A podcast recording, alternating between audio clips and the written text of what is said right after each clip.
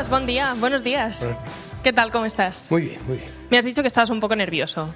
No tanto por mí, eh, porque no salgo al escenario. Durante cinco meses lo he hecho en Málaga. Yo pasé mis nervios eh, como actor la noche del día 17 de noviembre que fue cuando estrenamos allí en Málaga y todo fue muy bien.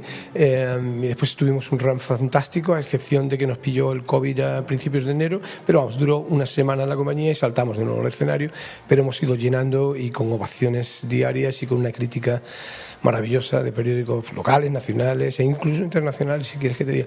Entonces, muy contento. No, estoy nervioso porque, lógicamente, la compañía ha parado durante casi un mes y tenemos un nuevo Bobby, el personaje de, Bobby es interpretado por Roger eh, Berruezo, que ha sido un actor que ha estado con nosotros todo el tiempo interpretando a Paul. Y eh, Sondheim no es fácil. Todos los que han cantado eh, las partituras de, de, Sondheim, porque cuando las escuchas no, no, muestran la dificultad real que tienen después. Hay, hay unos pasos vocales muy complicados de hacer y es, es, difícil, ¿no? Entonces estoy un poco nervioso por mis chicos. Estamos hablando de Company, que es este nuevo musical que empezó de hecho en tu casa, ¿no? En Málaga, en el Teatro del Soho. Ahora lo traes aquí. Mm, no sé si, si, no sé si es más difícil dirigir un musical de una magnitud como es Company o llevar un teatro como es el del Soho, que también debe ser un barco importante. Las dos cosas son complicadas, ¿eh? no hay nada fácil. Mm, hay que entenderlo. Primero hay que entender qué es lo que tienes entre manos, porque no es un musical lineal, que tiene una historia lineal, eh, donde en realidad eh, va contada. No. Eh, Tú sabes una cosa, Sondheim, aparte de, músico, era matemático y le encantan los enigmas. Entonces, y, la obra suya, cuando yo empecé a trabajar en ella, yo traté de cambiarle la estructura y me dijeron, no, no, puedes interpretarla como tú quieras. Cada pieza como a ti te dé la gana. O sea, hay una condición solamente por la que te vamos a dar, o dos condiciones por las que te vamos a dar los derechos. Una, no cambies la estructura de, del show, o sea, no puedes cambiar eh, orden de escenas, letras de canciones o mover eh, estructura. Eh, por una parte, y la segunda condición es nunca hagas una versión que se ha hecho anteriormente. Es decir, tienes que inventarte tu propia versión. Es casi como un juego en el fondo que te plantea él. ¿no? Y venía en, una, en un documento que me, me, enviaron, me decía, busque debajo de las piedras. Y efectivamente, eh, a medida que, que, que, yo iba metiéndome, el primero en la preparación, incluso antes de empezar los ensayos, después en unos talleres que hicimos allí en Málaga, ya con actores y tal, yo me iba dando cuenta de que me iba encontrando con iba resolviendo enigmas. Era como un juego de estos de Laura Croft, ¿no? donde de repente empiezas a pulsar determinados sitios y se abrían determinadas puertas que te daban acceso a otros lugares. Y ha sido muy apasionante en ese sentido. Por lo tanto, dirigirlo una vez que ya tenías muchos enigmas abiertos resultaba más fácil porque ya tenías un camino. ¿no? Tú dices que una de las cosas que has aprendido como director de cine, pero también de teatro, es a escuchar. ¿No? Y todo lo que tú puedes aprender si escuchas de la gente con la que haces eh, el proyecto en el que estés trabajando. No sé si en el cine y en el teatro, que son industrias tan complicadas, a veces es difícil que te escuchen. Sí, a veces eh, mm, la gente que realmente es fuerte y potente le escucha. Eh, la gente más mediocre no lo hace. Viajan metidos en el yo continuamente. Y, y, el mundo del teatro y el mundo del cine es nosotros. Y son dos trips diferentes. Uh, nosotros, o sea, la gente en, el mundo, del te especialmente en el teatro, y verás que en esta obra, no sé si la vas a ver hoy lo vas a ver, o, se, se re, tienen que retroalimentarse. Incluso en aquellos momentos en los que te encuentras solos en el, solo en el escenario, vas a ser eh, uh, un producto de lo que ha ido pasando durante toda la relación que has mantenido. Todo está ligado, todo forma parte de un todo. Eh, eh, y, eso, ahí entra la humildad. Encerrarte en ti mismo. Yo a la gente grande, grande, grande que he visto, nunca la he visto así. Al contrario, lo he visto con los oídos y los ojos muy abiertos para tratar de entender no solo lo que estaban haciendo, sino el momento, el, sentir la energía de los otros alrededor de, ellos, eh, y eso es, es, muy importante. Creo que a quien sí que has escuchado mucho durante esta producción es a tu hija, Estela del Carmen, ¿no? que te ha ayudado, te hecho de ayudante de dirección, si no me equivoco. Claro, no sé si teniendo los padres que tiene, que son dos grandes actores, grandes estrellas, era prácticamente imposible que ella no acabara también metida en este mundo. Sí, pero no le gusta la cámara. O sea, no le gusta, por ejemplo, y el, o el escenario le da, mm, no sé si es miedo o respeto, pero habiéndolo hecho en la escuela y siendo buena, ¿eh? a mí me gustaba cómo ella trabajaba, era muy natural, se parecía mucho a la madre.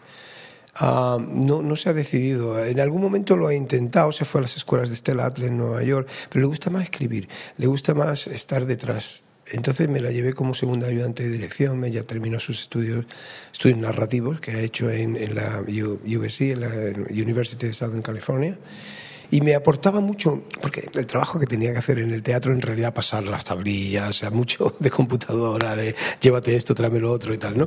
Pero cuando realmente la escuchaba y su, y su criterio me interesaba es cuando veníamos e íbamos al teatro, o ya en casa que ella me hacía comentarios sobre el ensayo y decía, ah, mira, eso que estás diciendo ahora, fuera del trabajo me interesa. Y tal, Yo tenía un equipo de dirección que eran todas mujeres. Las cinco que estaban rodeándome eran mujeres. Me, interesa muchísimo la sensibilidad femenina mm, porque, porque sí, porque tiene una percepción de la realidad eh, más aguda. ¿Crees que la industria está cambiando en este sentido? Porque hasta hace poco era casi imposible no ver una, una, directora y ahora todos los festivales más importantes los han ganado las directoras. Sí. En cambio, ha ganado el Oscar. Sí. ¿Crees que vamos por el buen camino en este sentido? El mundo, las mujeres han estado siempre en el camino que tenía que estar, pero efectivamente se están dando más oportunidades y hay, y hay más trabajo eh, donde se puedan ver la, los talentos ¿no? femeninos. ¿no? Ah, yo me alegro de ello. Yo he trabajado con muchas mujeres, eh, directoras, a lo largo de mi carrera y, y, y, no sé si ha sido por eso, pero sí me quise hacer con un equipo de, de dirección femenino como te he dicho antes, me aporta muchísimo. Además, la mujer en el show tiene mucha importancia mucha importancia porque a veces está empoderada, pero a veces es maltratada. Y a veces maltratada muy sutilmente. Y después hay mujeres que son o parecen ser muy destructivas y que en la parte eh, final del espectáculo se vuelven dulces. Pero bueno, o sea, también en realidad toda la obra es una, una, reflexión sobre la amistad. ¿no? Eso te iba a decir, que es una obra sobre la amistad, sobre el amor, sobre la vida, en definitiva. Uh, no se me ocurren temas mejores para ver sobre el escenario en plena crisis del COVID, sinceramente. Sí, y además el teatro eh, tiene más sentido ahora que nunca, porque eh, vivimos en, una, en, un, en un, tiempo en el que parece que, la, que, aquello que no está grabado no existe.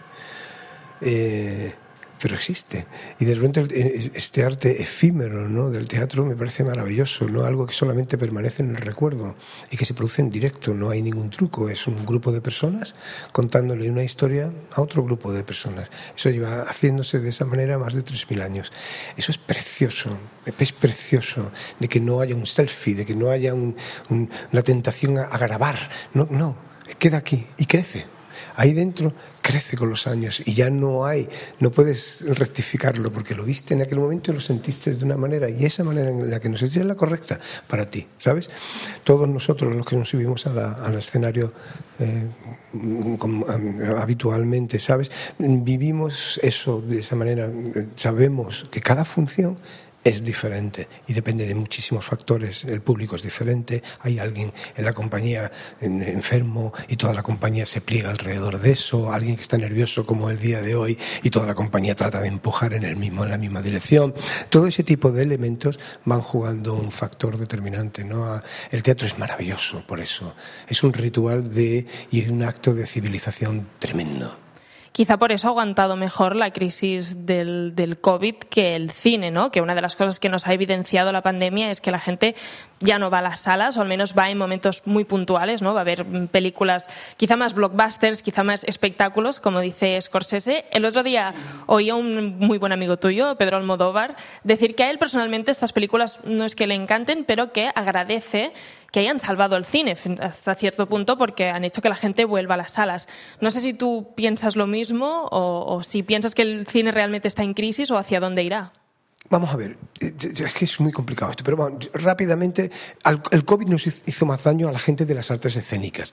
El cine se podía ver en casa y la gente consumió mucho cine, lo que pasa es que lo hizo a través de las plataformas. En, cualquier caso, el teatro se cerró en un momento en que la gente no podía eh, meterse en un lugar cerrado y además te lo decían por televisión todos los días. Eviten los sitios cerrados. Cada vez que decían eso decía, Dios mío, me hunden el teatro, ¿sabes? Pero... Eh, estamos tratando ahora de sobrevivir. Salimos de esa crisis y estamos tratando de sobrevivir. En, función a lo que tú me dices, en, la larga distancia, sí, el teatro se va a beneficiar de algo obvio. Y es que tú puedes tener cine en tu casa. Lo que no puedes tener es teatro.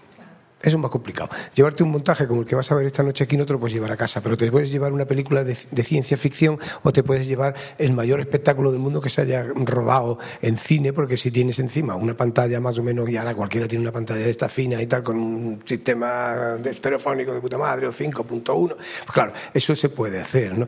y en ese sentido se ve más cine que nunca, pero se ve en casa. La gente ya no quiere participar de ese ritual de ir a la sala, pantalla grande, gente desconocida, el oscuro, todo ese tipo de cosas. Los románticos lo siguen haciendo. Y esos son los que van en realidad a salvar el cine, aquellos que todavía piensan que, que, que les gusta vivir de ese ritual que ofrecía el cine, que en el fondo es muy parecido al del teatro.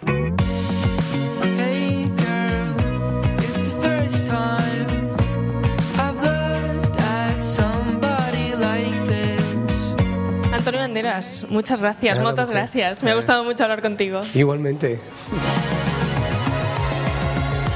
Cataluña Radio, al suplement.